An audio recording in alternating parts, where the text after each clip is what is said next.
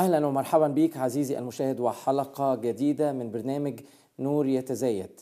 في هذا البرنامج بنجاوب على تساؤلات متنوعة سواء أسئلة عن آيات في الكتاب المقدس أو تعليم آه، في الكتاب المقدس أو أسئلة في الحياة العملية. النهارده هنكون بنبتدي آه، عن موضوع الكتاب المقدس آه، نفسه لأن في سؤال جالنا من شخص بيقول هل في علاقة بين الأسفار بعضها ببعض وإيه هي العلاقة ديت؟ عزيزي المشاهد لو أنت لك علاقة مع الرب اعرف إن الكتاب المقدس ده من أعظم أعظم عطايا الرب ليك. ولازم تشكر الرب من أجل الكتاب المقدس. الكتاب المقدس هو اللي بيغير الناس. ودليل إن هو كلمة الرب إنه بيغير النفوس بيحرر النفوس بيغير عائلات.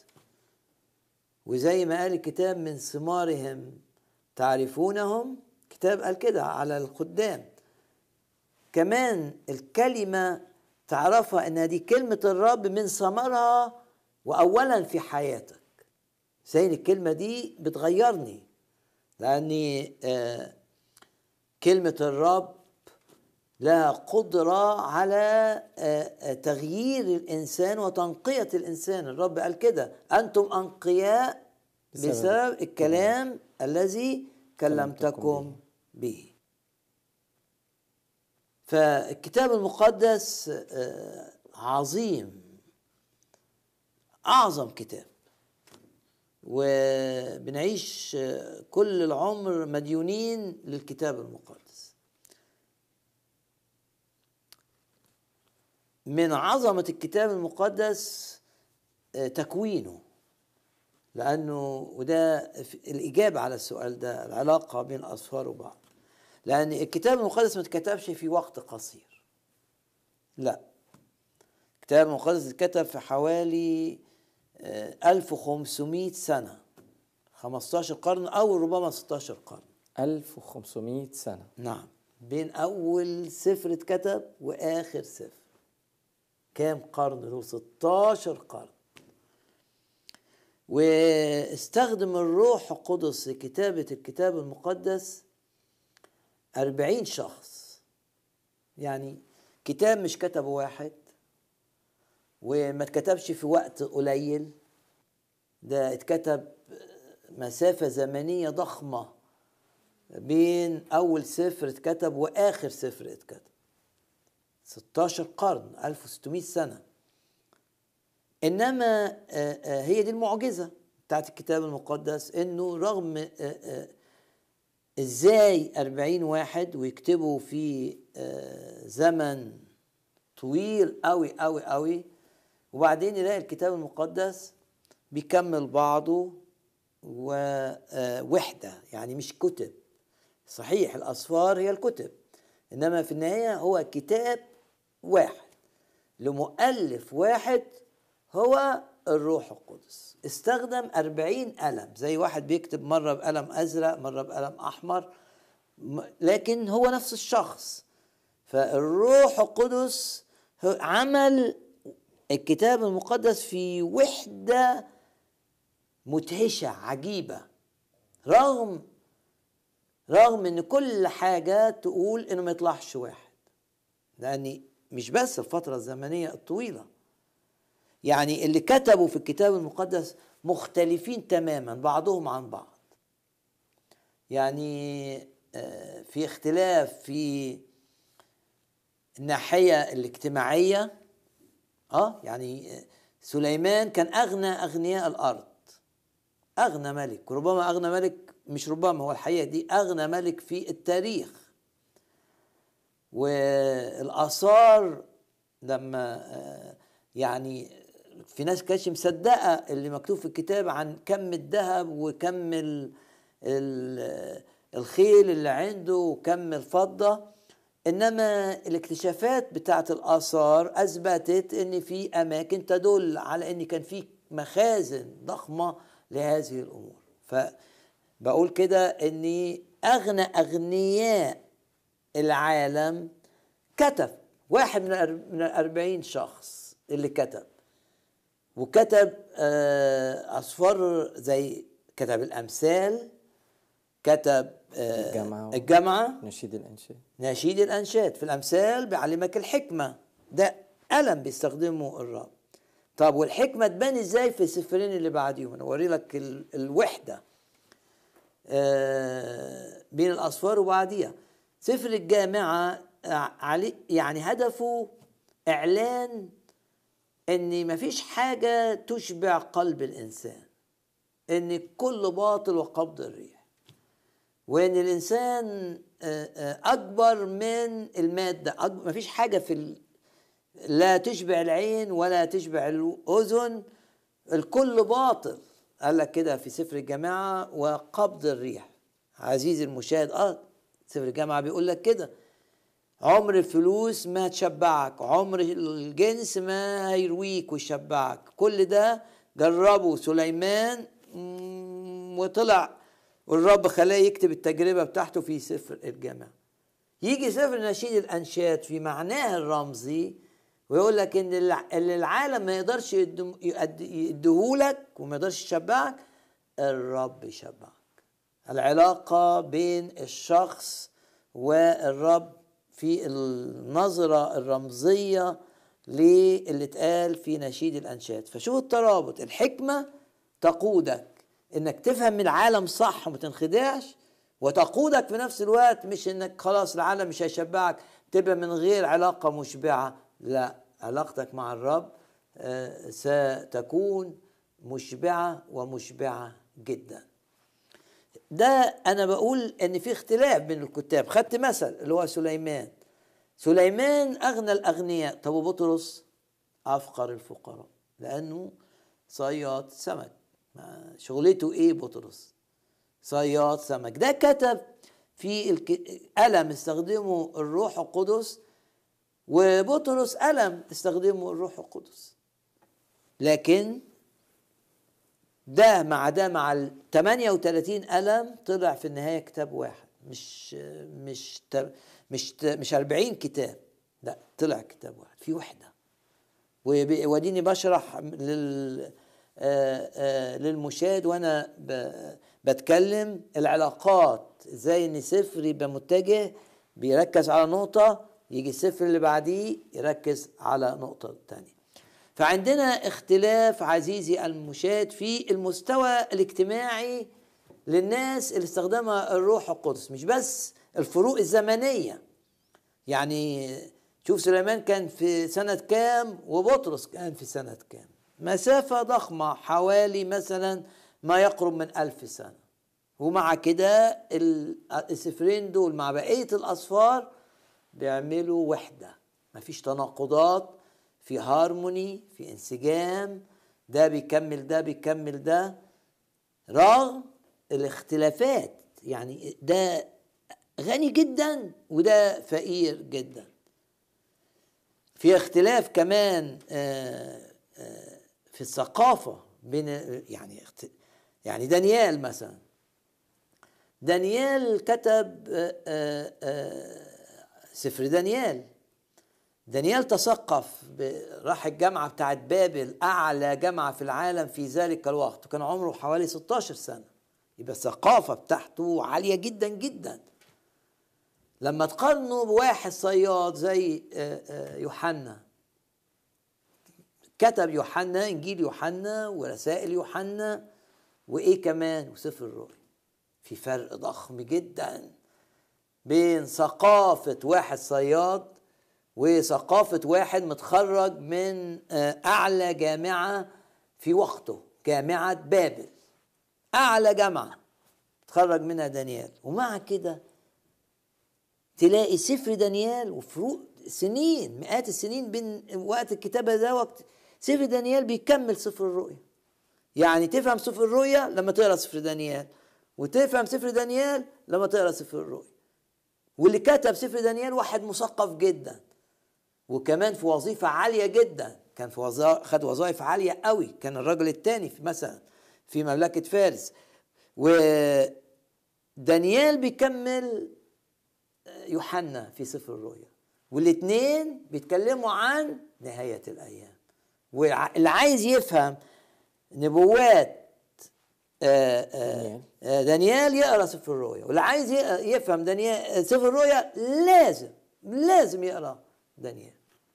آدي التكامل. شوف العلاقة بين الاصفار بعيد عن بعض في الزمن وفي اللون القلم اللي كتب لكن لأن الروح القدس هو الكاتب الحقيقي خلى السفرين دول يكملوا بعض. دانيال يكمل سفر الرؤيا وسفر الرؤيا يكمل دانيال. اختلافات في المستوى الاجتماعي شفنا سليمان وبطرس اختلافات في آه، الظروف كمان شفنا اختلافات في الثقافة ظروف الكتابة في اختلاف. يعني موسى كتب وهو في البرية برية سينا متنقل في خيمة بيبيت بالشعب كله في خيام وهو في خيمة والروح القدس استخدمه لكتابة كام سفر؟ خمس أسفار خمس كتب يعني. وحتى الخمس كتب دول تلاقي الترابط. يعني تلاقي مثلا التكوين يتكلم عن سقوط الإنسان وعشان كده التكوين ينتهي بالموت. آخر عبارة فيها تتكلم عن الموت. سقوط الإنسان ونتائج السقوط. ده سفر التكوين. إيه نتائج السقوط في الخطية؟ قايين قتل هابيل مثلا والموت سرى يقول لك فلان جاب فلان ومات فلان جاب فلان ومات وهكذا. طب سفر الخروج بيتكلم عن إيه؟ الفداء. ال- ال- إنك تطلع من نتائج الخطية. طب موسى كتب عن السقوط وكتب عن الفتاء آه السفر اللي وراه على طول سفر الخروج. في خروف الفصح اللي بيتكلم عن الرب يسوع والدم المسفوك واللي اتحط على البيبان. والناس الرب افتداها بزراعة قوية وطلعها من قصر فرعون اللي هو نتيجة الخطية بتاعتهم. إيه ده؟ ونجوا من ال- ال- الملاك المهلك آه؟ ده يبقى إذا التكوين بيركز على نتائج الخطية. ويركز التركيز يعني لكن بيتكلم عن حاجات تانية طبعا. وسفر الخروج بيركز على الفداء. طيب تقول لي ما السفر الثالث اللي بعديهم إيه اللي كتبه موسى؟ أقول لك سفر اللاويين. كل ده كتبه موسى في البرية في الصحراء. يعني مش قاعد في أوضة قاعد في خيمة. اتكلم بقى عن نتيجة إن أنا الرب فداني من نتائج الخطية. أعيش إزاي؟ يقول لك ده سفر اللاويين بيتكلم عن القداسة. إن لو أنت خدت الفداء وتقول كده مع بولس لنا فيه الفداء بدمه غفران الخطايا. ولو انت بتقول أنا افتديت يبقى نتيجة الفداء انك تعيش للرب. والرب عايزك تعيش في القداسة. وده التعليم بتاع سفر اللاويين تعليم. شوف ثلاث أسفار السؤال مترابطين؟ آه مترابطين. طيب موسى كتب و- آه، وهو في البرية. البرية. طب ما ناخد واحد زي بولس مثلا. في رسائل كتبها بولس اسمها رسائل السجن. أربع رسائل اسمها رسائل السجن. كتبها وهو في السجن. في فرق بين برية وسجن. داود مثلا كتب المزامير جزء من المزامير مش كل المزامير. كتب جزء منها وهو في القصر. يعني واحد داود عمل قصر ليه. في مدينته مدينة داود اللي هي أورشليم. في جبل صهيون.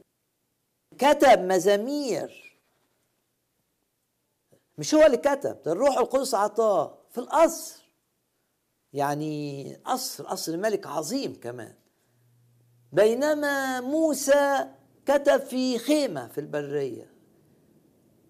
وبولس كتب وهو في السجن. مش كل الرسائل كتبها في السجن كان عندنا أربع رسائل كتبها بولس في السجن. هي أفسس كلوسي فيليبي ورسالة فيليمون. أربعة دول يسموا رسائل السجن. لازم تفتخر بالكتاب المقدس. لازم تجد تناغم وترابط بين اللي قاله موسى في الأسفار الخمسة وبين اللي كتبه آه، آه، داود وهو في القصر وبين اللي كتبه بولس وهو في السجن. في ترابط في تناغم في وحدة. يبقى آه، شفنا إن في فرق في المستوى آه، الاجتماعي في فرق في المستوى الثقافي في فرق تنوع يعني بلاش فرق في ظروف الكتابة. الأسلوب الكتاب المقدس مش أسلوب واحد بس برضو وحده وحده ويمكن في النسخة العربية بتاعتنا ما- آه، ما بنشوفش الاختلاف الأسلوب لأن إنما الأسلوب باين قوي في الأصل العبري. لأن في اسفار اتكتبت بالشعر. شعر زي المزامير. ده شعر زي سفر أيوب كده ده شعر. وفي اسفار اتكتبت نثر زي اسفار موسى. وفي اسفار بقى اتكتبت الرس- الرسائل زي رسائل بولس. تنوع. وفي اسفار تاريخ كتبت قصص زي آه، آه، في العهد الجديد الأناجيل وعمل الرسل. ويقابل الأناجيل اللي هي قصص وأعمال الرسل في العهد القديم اسفار فيها قصص. صموئيل زي مثلا آه، وقبل صموئيل في يشوع وسفر القضاة وزي ما أنت قلت سفر صموئيل الأول والثاني والملوك الأول والثاني وأخبار الأيام الأولى وأخبار الأيام الثانية. يبقى عندنا تنوع كمان في الأسلوب. لكن وأنا بقرأ الكتاب وأجيب آية وأقارنها بآية وأحط الآية دي مع الآية دي لا بلاقي الكتاب واحد. طبعا لما تترجم الشعر ما قدروش يترجموا شعر الشعر. فموضوع كنس لكن هو في الحقيقة شعر مزامير شعر قصيدة لأنها بتتلحن عشان كده تتلحن على موسيقى. في تنوع؟ آه في الأسلوب في تنوع. يعني عندي الرب بيوصل لي ال- الفكر بتاعه من خلال أسلوب الرسالة زي واحد بعت جواب الرب بيحبني فبيستخدم أساليب متنوعة. آه وأنا بحب التاريخ والقصص تلاقي في الكتاب المقدس. تاريخ بس مش تاريخ بقى ما يغيركش لا تلاقي تاريخ يكشف عيوبك لأن الكتاب المقدس مرآة. كتاب وصف نفسه إنه مرآة. يشوف فيها الإنسان إيه؟ زي ما أنت تبقى متسخ وتبص في المراية آه الحتة دي كذا إيدي كذا. فالكتاب المقدس مراية. بتكشف يعني تقرأ آه، الكتاب المقدس وتلاقي إن الكتاب المقدس ليه سلطان عليك بيكشف أعماقك بيوريك أنت كذا. انت يدخل جوه عمق الإنسان ويطلع كل حاجة وحشة فيه. طب ليه بيعمل الكتاب كده؟ عشان يغسلني عشان ينقيني. أنتم أنقياء بسبب الكلام الذي كلمتكم به. عشان كده إحدى رموز الكتاب المقدس والكلمة في الكتاب المية. المية آه، آه، آه، ترمز للروح وكمان ترمز للكلمة. ليه؟ لأن الرب يسوع غسل التلاميذ بالمية فهو بيغسلنا بالكلمة. وينقينا ويورينا بالمرايه اللي هي الكتاب العيوب بتاعتنا ونعرف العيوب بس ما نيأس ليه؟ لأن الروح الروح مش هيخليك تيأس يقول لك ارمي نفسك على الرب اعترف بالحاجات الوحشة اللي عندك والرب هيعمل معاك أمور عجيبة جدا ففي اختلاف في اختلاف في اللغة كمان يعني العهد القديم بالعبري قريب للعربي العهد الجديد باليوناني. وحتى العهد القديم في جزء منه مش بالعبري بالكلداني. وبرضو الثلاث لغات دول بيترجموا لكتاب واحد وما بشعرش بال بحس إن الكلمة مع الكلمة والكلمة لها سلطان عليا والآية دي بت- بتقول الآية دي في ترابط عجيب وعجيب جدا رغم تنوع الأقلام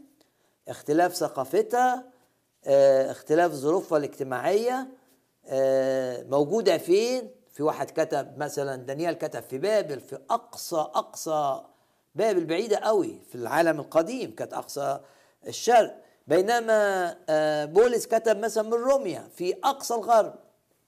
بينما موسى كتب في جزيرة سيناء في في الوسط. هنا وهنا وهنا. وألاقي إن الكتاب آه، وحدة واحدة. ولو سألتني طيب أي كتاب بيبقى ليه هدف ليه موضوع؟ أقول لك الكتاب المقدس اللي بيتكون من 66 سفر أو 66 كتيب أو كتاب يعني. ليه هدف؟ إيه الهدف؟ إنه هو بيتكلم عن من أوله لآخره عن علاقة الله بالإنسان والتركيز على الرب يسوع المخلص.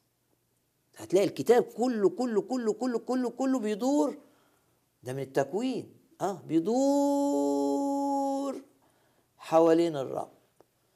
وإذا كانت الخطية بعدت فصلت الإنسان عن الإله وتعبته فتجسد الرب وروحه للصليب ومن أجل الإنسان يخلي الإنسان لما يؤمن به يتحرر من نتائج السقوط.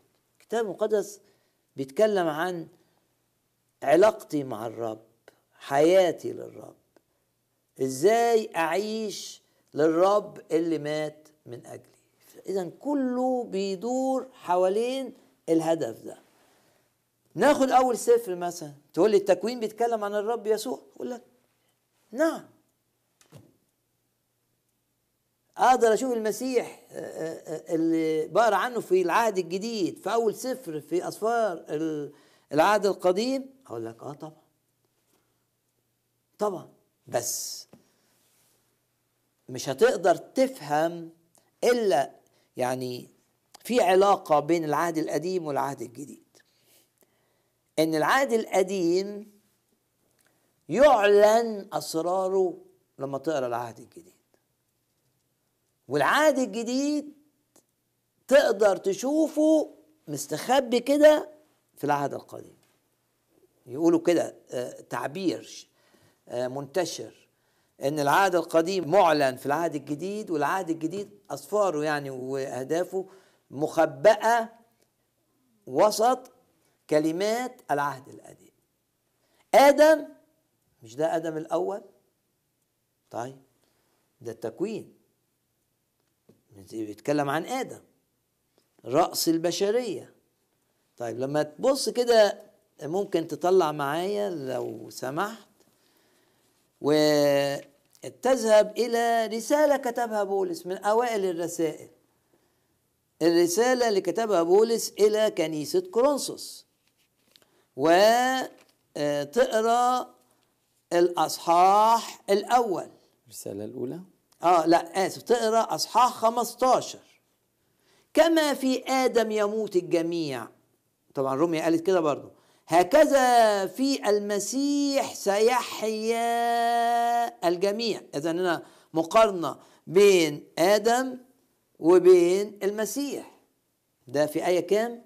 أصحاح 15 في آية 22 وبعدين لما تقرأ في في في نفس الأصحاح يقول كده صار آدم الإنسان الأول نفسا حيا وآدم الأخير إيه؟ روحا محييا. الإنسان الأول من الأرض ترابي. الإنسان الثاني هو الرب يسوع. الرب من السماء. اذا آدم بيكلمنا عن الرب. آه ده رأس بشرية ساقطة والرب رأس البشرية آه آه المفدية الم- المقامة من موت الخطية. آدم جاب الموت للبشر والرب يسوع جاب حياة للبشر لكل من يؤمن به اذا في ده آدم أول أول شخصية في الكتاب. أول شخصية في الكتاب تقراها تقرأ عنها مربوطة بالرب يسوع. أنا قلت لك كل سفر تكوين لما تقرأ آه سفر تكوين فيه مش بس آدم. هابيل ذبيحة هابيل تتكلم عن الرب يسوع المذبوح. آه، بلاش النبوة. نسل المرأة يسحق رأس الحية. مين نسل المرأة ده اللي يسحق رأس الحية؟ ده وليه مش نسل الرجل؟ شوف الدقة بتاعت الكتاب. يعني تقول ليه مش نسل الرجل؟ ليه نسل المرأة؟ وعجيب إن موسى وهو بيكتب ما ما اعترضش مثلا. لا ده تحت الروح القدس. نسل المرأة هو في حد هيتولد ما يبقاش ليه أب جسدي. آه الرب يسوع. ما عندوش أب جسد. فهو بالجسد نسل امرأة لأن ليس له أب جسدي. طب والرب ده مكتوب عنه إيه في في سفر التكوين؟ مكتوب عنه إنه يسحق رأس الحية. يبقى أنا سفر التكوين فهمني إن بالرب يسوع أنتصر على الحية اللي هي الشيطان. أنتصر على الحية. الحية بتاع سفر التكوين أقرأ عنها كمان في سفر الرؤيا في نهاية الأيام. شوف الترابط بين الأصفار بس من سفر التكوين أنا عارف إن مش ممكن أنتصر على الشيطان بدون الرب.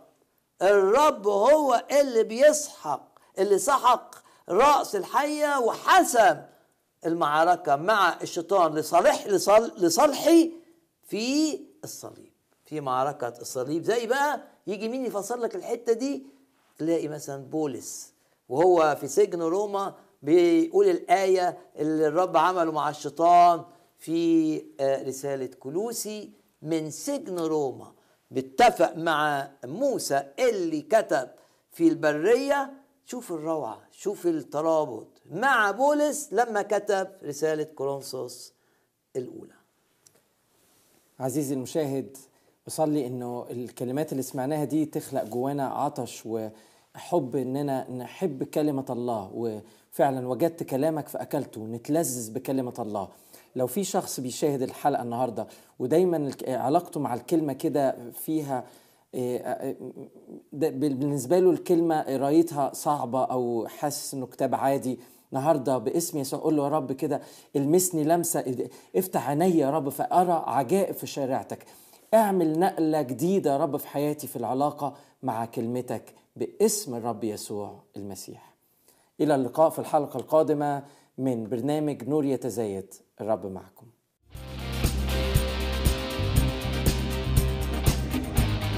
الكتاب المقدس علاقة العهد الجديد بالعهد القديم.